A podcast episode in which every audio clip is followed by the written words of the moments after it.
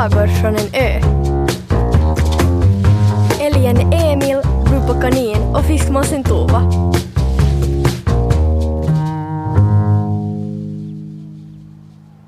Det är inte roligt att vara en fiskmås som försöker sova uppe i en mast under en snöstorm.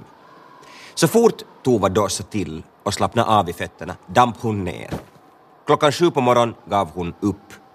Hon såg ut över det stormande havet och snöflingorna som dansade över klipporna.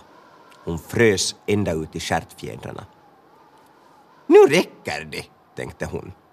Hon ropade sitt speciella lockrop som också kaniner och älgar förstod. Snart dök älgen Emil och kaninen Bubba upp.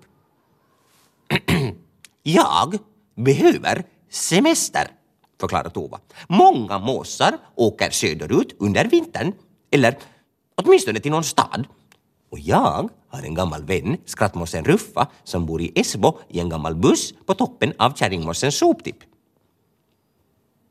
Tänker du lämna oss och flyga dit? frågade Emil oroligt. Jag tänker resa dit tillsammans med dig och Bubba Kanin, sa Tova. Jag flyger och ni tar tåget.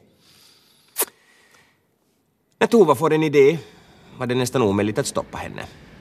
Följande dag satt Emil och Bubba i tåget på väg till Lesbo. Ska vi gå till restaurangvagnen? frågade Bubba. Oh, inte ännu. svarade Emil som fortfarande kände sig illamående efter den gungiga båtfärden till fastlandet. Då går jag själv. sa Bubba.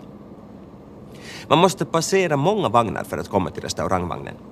När Bubba kom fram köpte hon den största kanelbullen som fanns. På vägen tillbaka upptäckte hon en dörr där det stod WC. Bubba blev nyfiken och gick in. Toaletten där liknade inte alls Emils utedass.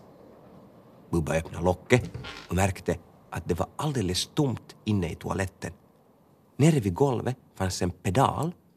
Hon tryckte på den och då öppnades en lucka i botten av toaletten och det spolades vatten längs kanterna.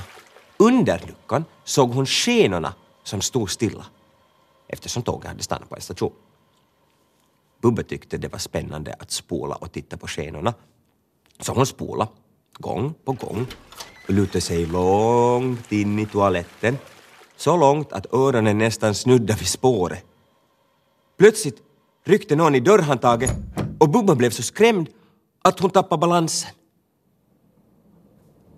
Under tiden hade en gammal dovhjort slagit sig ner mittemot Emil och börjat berätta om tågresor han gjort i sin ungdom.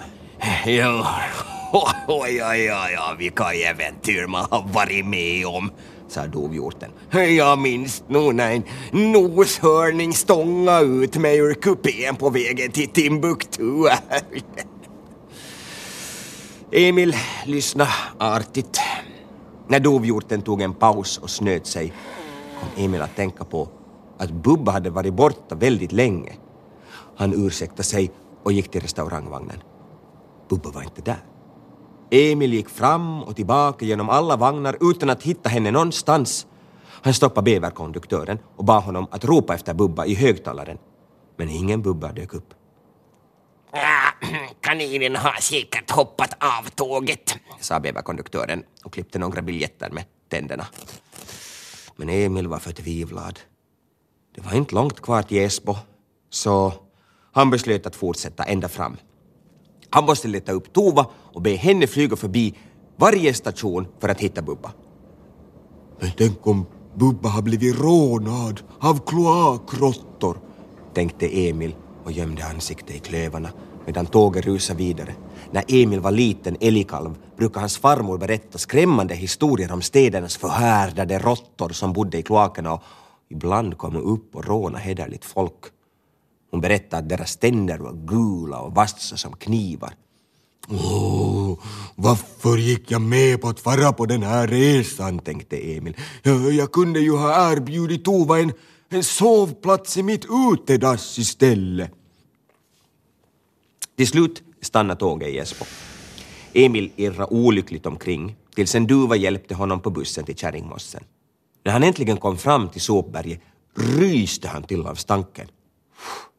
Klövarna fastnade i plastbitar och han halkade på bananskal och han duckade för kråkor och måsar som nästan kolliderade med hans horn. Flåsande stretade han upp till toppen och där, allra högst upp, fick han syn på en rostig buss. Det måste vara Ruffas, tänkte han.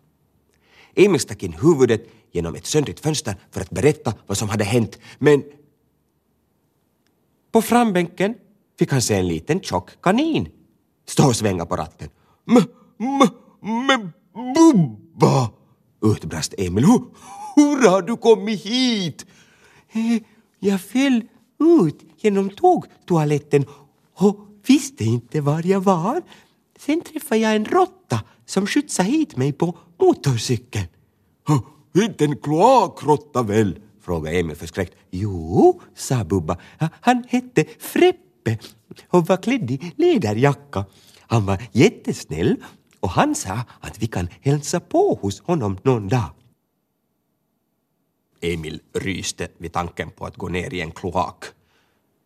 Ett glatt skri hördes ovanför Emils huvud följt av ett annat hesare som lät nästan som ett skratt.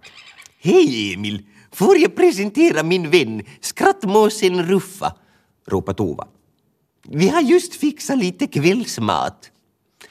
Kvällsmålet bestod av några gamla korvskivor och en kant bröd. Soptippens delikatesser, sa Ruffa. Emil tyckte inte att det smakade något vidare och han längtade tillbaka till sin skog och doften av hav. Men det viktigaste var att alla var tillsammans igen. Han tittade på Bubba som lagt sig ner med de små tassarna över sin runda mage. Hon kan bli vän med alla hon, tänkte Emil. Vilken tur att det finns snälla kloakråttor. Han vände sig om och såg på Tova och Ruffa som satt uppe på bussens tak och pratade. Ett vitt huvud lutat mot ett brunt och stjärnorna ovanför. Stjärnor är vackra, till och med ovanför ett avfallsberg.